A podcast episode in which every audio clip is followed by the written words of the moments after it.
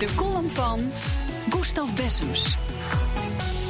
Nou, wat zegt die Denzel Washington dat goed zeg. Het filmpje wordt massaal gedeeld. En wat zegt die Denzel Washington dan zo geweldig? Hij krijgt een vraag over een nepnieuwsbericht. Daarin stond dat hij Donald Trump steunde.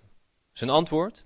Als je geen klant leest, ben je niet geïnformeerd. Als je die wel leest, ben je verkeerd geïnformeerd. Klinkt goed, hè?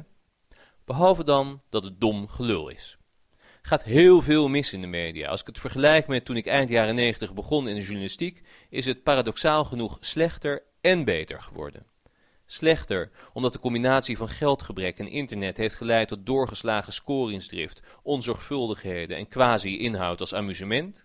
Beter, omdat de combinatie van geldgebrek en internet heeft geleid tot professionalisering, harder werken, een enorme verscheidenheid aan vaardigheden, transparantie, oog voor het belang van het publiek en creativiteit. Het kan en moet veel beter. Ik word ook somber als ik gisteren een batterij collega's voor een deur zie staan waarachter de SP vergadert over een paar lekkende Kamerleden, in de wetenschap dat het intussen met onafhankelijke onderzoeksjournalistiek woekeren is.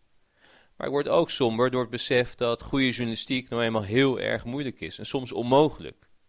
In Aleppo zijn nauwelijks verslaggevers omdat het daar zo erg is. En doordat er nauwelijks verslaggevers zijn, weten we niet zeker hoe erg het er is. Door social media krijgen we flarden mee over een mogelijke genocide. Gruwelijk, maar niet te verifiëren. Zeg maar wat de journalist moet doen. Ik ben altijd voorstander geweest van scherpe mediakritiek. Ik ben blij als lezers of luisteraars ons bij de les houden. En ik vind dat journalisten elkaar te weinig de maat nemen. Terwijl als wij elkaar niet fileren, dan roepen we breed wantrouwen over ons af en ingrijpen door de staat. Dus dan had Washington toch gelijk? Nee. Want hij gaf geen antwoord op de vraag die werd gesteld. Die vraag die ging over het fenomeen nepnieuws. En dat is geen journalistiek feilen.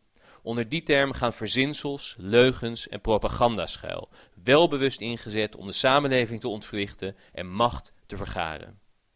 Geert Wilders, die hiermee in de Nederlandse politiek het verst gaat, twitterde laatst een plaatje waarop Trump direct met de kiezer praatte, via die social media, over de hoofden van journalisten heen.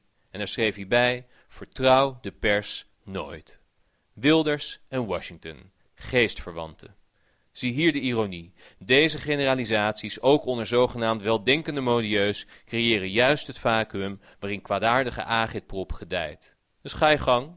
Vervang serieuze mediakritiek met dit soort gratuit gebabbel. Wat je zult terugkrijgen is een miljoen keer erger dan matige journalistiek.